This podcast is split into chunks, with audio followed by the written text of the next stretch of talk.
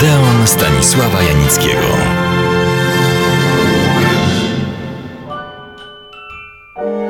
Opowieść o wielkiej gwieździe, symbolu nowoczesnego seksu na ekranie i w życiu, buntowniczce przeciwko Hollywoodowi, Awie Gardner, zakończyłem opisem jej pierwszego małżeństwa i decyzją wytwórni MGM wypożyczenia jej, jakby nie było, konkurencyjnej Universal. Warto może wiedzieć, że przyszła bogini zarabiała wówczas 50 dolarów tygodniowo. Wprawdzie były to trochę inne dolary, ale wynagrodzenie uznać trzeba za haniebne.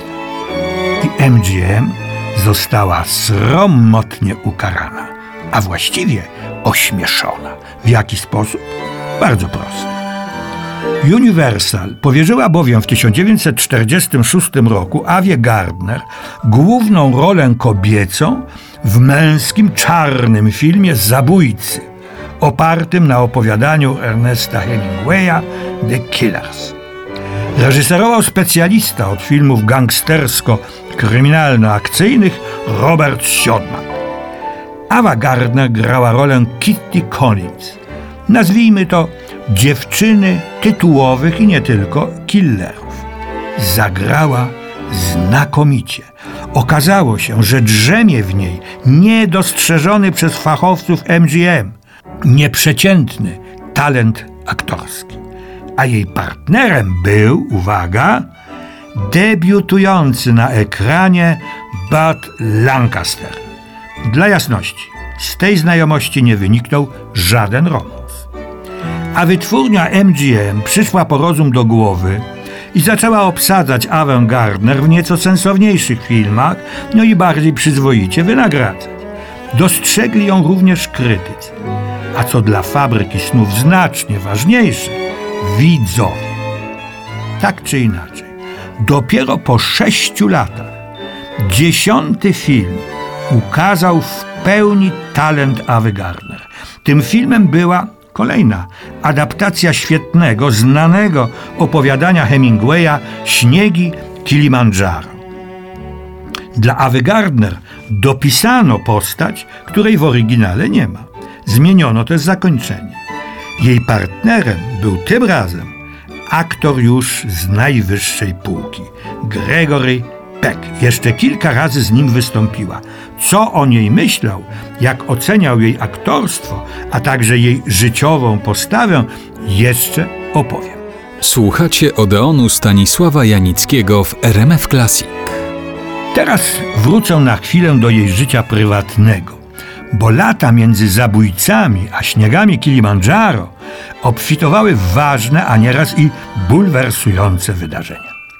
Wszyscy to potwierdzają, że była pierwszą w Hollywood osobą, która, kiedy miała ochotę na alkohol, chodziła sama, żeby się napić. Która mówiła to, co chciała i o zgrozo żyła z mężczyzną, który nie był jej mężem. Każdy romans, a było ich wiele, prasa rzecz jasna skwapliwie i ku radości wytwórni MGM, z którą Ava Gardner była związana wieloletnią umową, opisywała. Skandalizujące romanse gwiazd mają według zasad hollywoodzkich, sądzę, że nie tylko, błogosławiony wpływ na tak zwany box office, czyli po naszemu na kasę. Więc je raczej podsycano i podtrzymywano.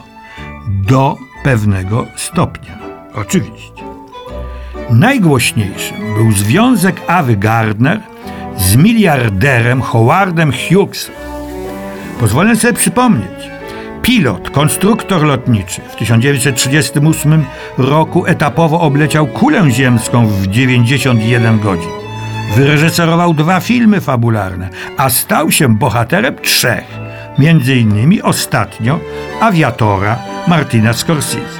Ava Gardner tak o Howardzie mówiła. Przez 20 lat przewijał się przez moje życie. Jego ambicje seksualne były większe niż jego potencja. Nigdy nie byliśmy kochankami. Nie kochałam Howarda, ale on był człowiekiem czynu. potrafił ułatwiać życie na wiele sposobów. Słuchacie Odeonu Stanisława Janickiego w RMF Classic. Ważnym etapem jej życia był natomiast związek, a nawet roczne, drugie już, małżeństwo z Artie świetnym klarnecistą jazzowym, kompozytorem, liderem kilku zespołów. Ośmiokrotnie żonaty nie był jednak dobrym kandydatem na męża. Ale Artie był także cenionym pisarzem, więc oddaję głos Awie Gardner. Artie Shaw był pierwszym intelektualistą, jakiego poznałem i zbił mnie z nóg. Zaczęliśmy się spotykać coraz częściej, a w końcu przeprowadziłam się do jego ogromnego domu w Beverly Hills. W tamtych latach nie można było żyć bezkarnie z kimś na kocią łapę. A teraz on, Artie Shaw. Ożeniłem się z Awą z przyzwoitości. Nie powinniśmy brać ślubu. Było nam lepiej bez ślubu. Jeśli kogoś kochałem, to ją. Była niezwykłą dziewczyną. Miałem szacunek dla jej pączkującego intelektu.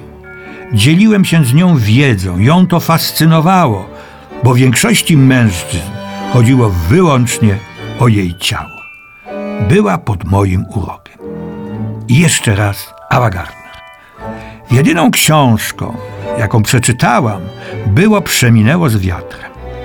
A Arti zaczął mnie zasypywać książkami, na przykład Dostojewskiego. Próbowałam je czytać.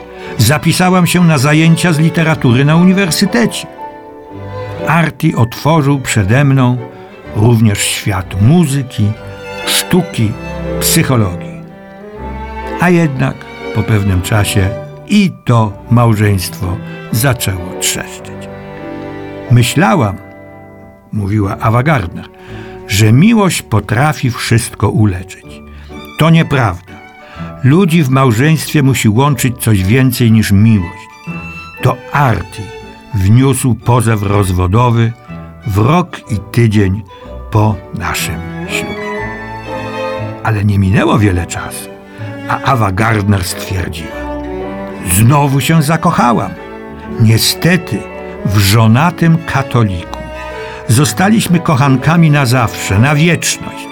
Czułam, że nigdy nie przestaniemy być w sobie zakochani. Kto był tym wybrankiem Awy Gardner? Na zawsze, na wieczność. O tym opowiem Państwu w następnym Odeonie. Zapraszam.